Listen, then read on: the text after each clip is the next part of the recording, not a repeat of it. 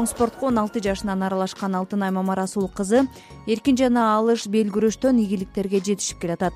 Ал өткөн жылы минск шаарында өткөн алыш белбоо күрөшү боюнча кыздар арасында жетимиш килограмм салмакта дүйнө чемпиондугунда биринчи орунду багындырган.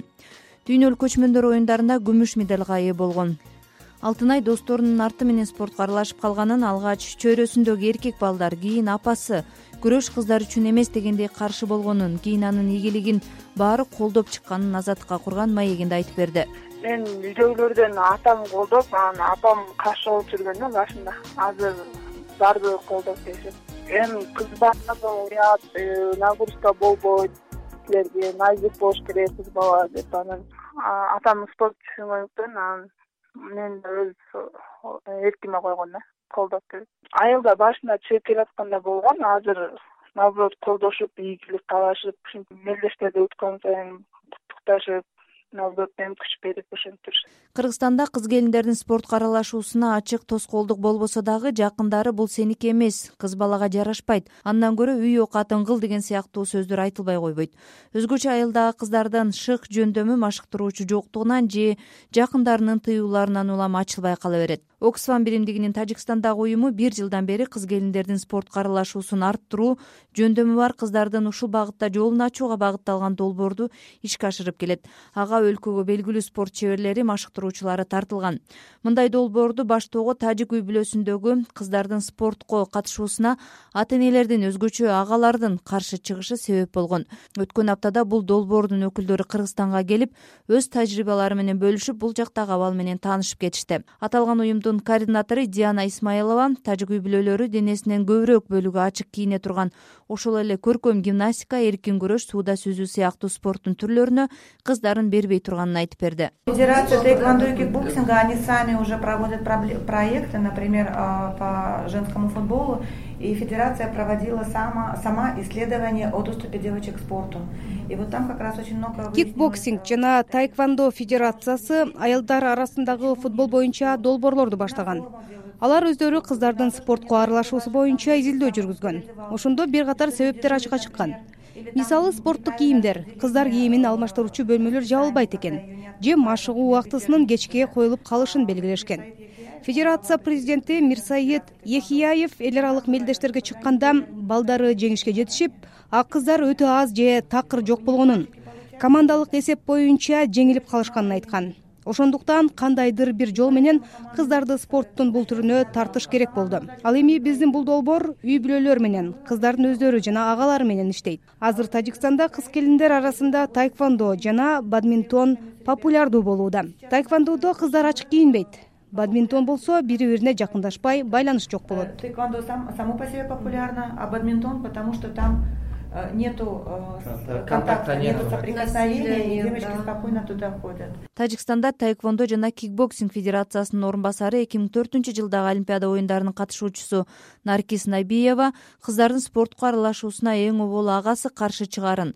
Карындашы спорт менен машыкса уялган учурлар көп экенин айтып берди. Родители за братья у нас есть проблема брата старшего.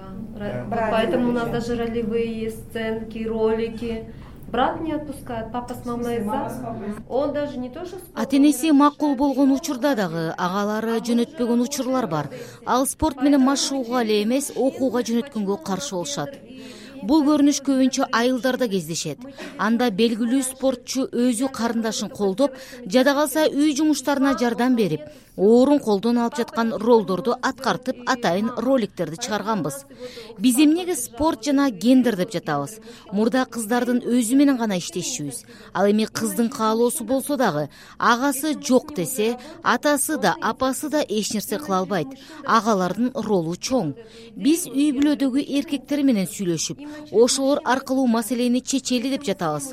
Ошондо алар менин карындашым же жубайым машыксын же окуп билимдүү болсун деген пикирге келишет. Бул бизде олуттуу проблема. Эмнеге дегенде бул аймактык стереотиптерге байланыштуу. Эгер баланын досу келип сенин карындашың спорт менен машыгып жатат десе бул уят. стереотипы те же. Друг брату говорит что это твоя сестренка занимается спортом бул долбоордун дагы бир катышуучусу бадминтон боюнча машыктыруучу фархат рахматов кыздарын спортко аралаштырбай жаткандын дагы бир себеби диний көз карашка байланыштуу деп эсептейт. В наших отдаленных селах братья не позволяют да? Отцы и матери в том числе иногда не позволяют. Там э, особенно вопрос в религии и в обществе. Там они думают что если девушка учится если алысыраак айылдарда ата энеси агасы диний көз караштан улам дагы кыздарын спорт менен машыгууга жибербейт. Алардын айрымдары эгер кыздар окуса же спорт менен машыкса жаман иш кылып жаткандай ойлошот. Мисалы биз менен чогуу кыздар дагы машыгат. Алардын жаман иш кылганга убактылары да жок. Биз коомчулук эмне дейт? деп ошого көп көңүл бурабыз эгер кыздар окуса ал өзүн өзү камсыз кыла ала турганын ойлошпойт. Биз айылдарда семинарларды өткөргөндөн кийин карындаштарына жада калса үй жумуштарына да жардам берип суу ташышып жатышыптыр. Эгер менин карындашым спорттон ийгиликтерге жетишсе мен досторума мактанам. Анан алар дагы менин карындашым да эмнеге ушундай ийгилик жарата албасын деп колдой башташат.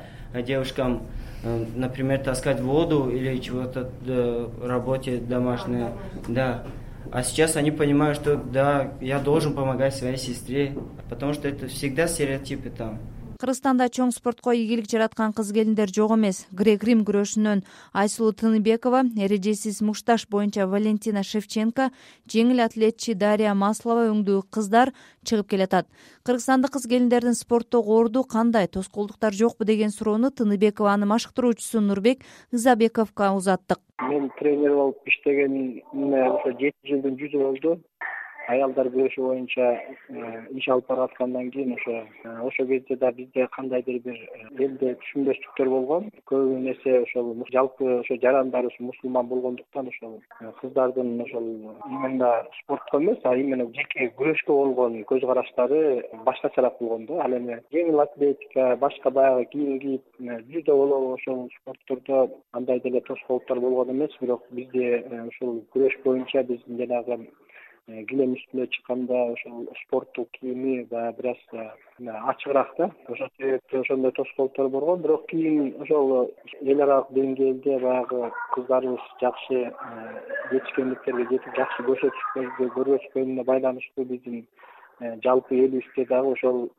көз караштары бир аз өзгөрдү тыныбековадын ошондой кыйынчылыктарга дуушар болгон. Ал эми андан кийинки кыздарыбыз дагы мына жаш кыздар чыгып келатат. Э, бүгүнкү күнү кыргыз эли туура түшүнүп э, туура кабыл алып тескерисинче ошол кайтадан ошо колдоо көргөзгөн учурлар көп эле кездешип атат. Изабековдун айтымында мындан беш алты жыл мурда кыргызстан боюнча күрөш менен машыккан жыйырма беш отуз кыз болсо азыр алардын саны жүз элүүдөн ашты. Жети жыл мурда бизде болгону ошол республикабызда болгону бир жыйырма беш отуздун тегерегинде гана жалпы кыздарыбыз болгон ал эми бүгүнкү күнү акыркы республиканын чемпионаттары болуп атат. Жүз элүүнүн тегерегинде кыздар келип катышып атышат.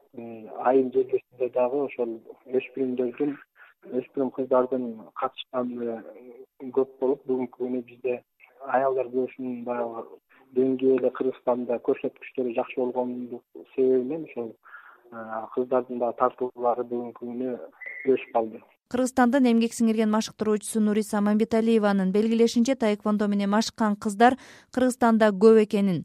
Ал ата энелер агалары ээрчитип келген учурлар жана эл аралык мелдештерге катышкан кыздар арбын экенин белгиледи. Очень много девочек занимается таэквондо в нашей стране. Ну я бы сказала что даже среди женского населения оно становится популярнее с каждым днем. Об этом говорят даже то что вот э, наши девочки участвуют на международных турнирах можно прийти в любую секцию по таэквондо бизде таэквондо менен машыккан кыздар көп. Кыргызстанда аялдар арасында спорттун бул түрү популярдуу болуп баратат десем болот.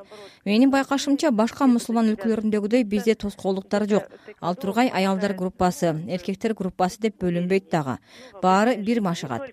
Таэквондо боюнча ар кайсы секцияны келип карасаңыз сөзсүз кыздар болот.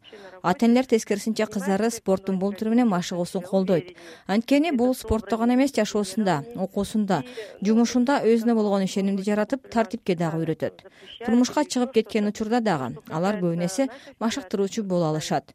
Бизде алтымыш беш пайыз балдар калганын кыздар түзөт. Не наблюдала. Ну в основном даже выходя замуж наши девушки у нас очень много федераций именно женщин тренеров. Дене тарбия жана жаштар иштери боюнча мамлекеттик агенттиктин маалымат кызматынын жетекчиси нурдин султанбаевдин айтымында учурда айылдар да кыздар командалык оюндар боюнча активдүүлүгүн көргөзүүдө. Баягы эки бир чектөө бар деп кыргызстанда айтсак э, туура эмес болот да. Бизде эки э, багыт боюнча тең эркектер арасында жана аялдар арасында спортту э, тең эле кетип баратат десек болот. Анткени бизде кыргызстанда ушул гендердик теңдик деген закон чегинде биз сөзсүз түрдө анын баарын тең эске алабыз. Массалык жагынан алсак бүгүнкү күнү биздин жаш кыздарыбыз спорт менен аябай машыгып баштады десек болот. Анткени региондордо бизде кичине шарттарга байланыштуу кыз келиндерибиз э, көбүн эсе баягы спорттук иш чараларга көп катышпайт. Бирок бара бара мунун баары тең ордуна келет дейбиз. Анткени командалык оюндар мына мектептерде э, волейбол баскетбол дагы башка спорттун түрлөрүндө бизде кыздар э, аябай активдүү десек болот. Анткени мына жакында эле мына биз баягы жаңы багыт алдык. Баскетбол көп ойношсо азыр стритбол команданын составы азыраак ошондуктан мында да көбүрөөк шарттар түзүлүп баштады десек болот. Кыргызстанда спортко аралашкан кыздар канча пайызды түзөт деген маалымат жок бирок адистер кандайдыр бир тоскоолдуктар жок экенин жана спорт аркылуу теңдикке жетүү маанилүү экенин белгилеп келатышат. Сиздер айылзат программасын уктуңуздар берүүнү даярдап алып барган канымгүл элкеева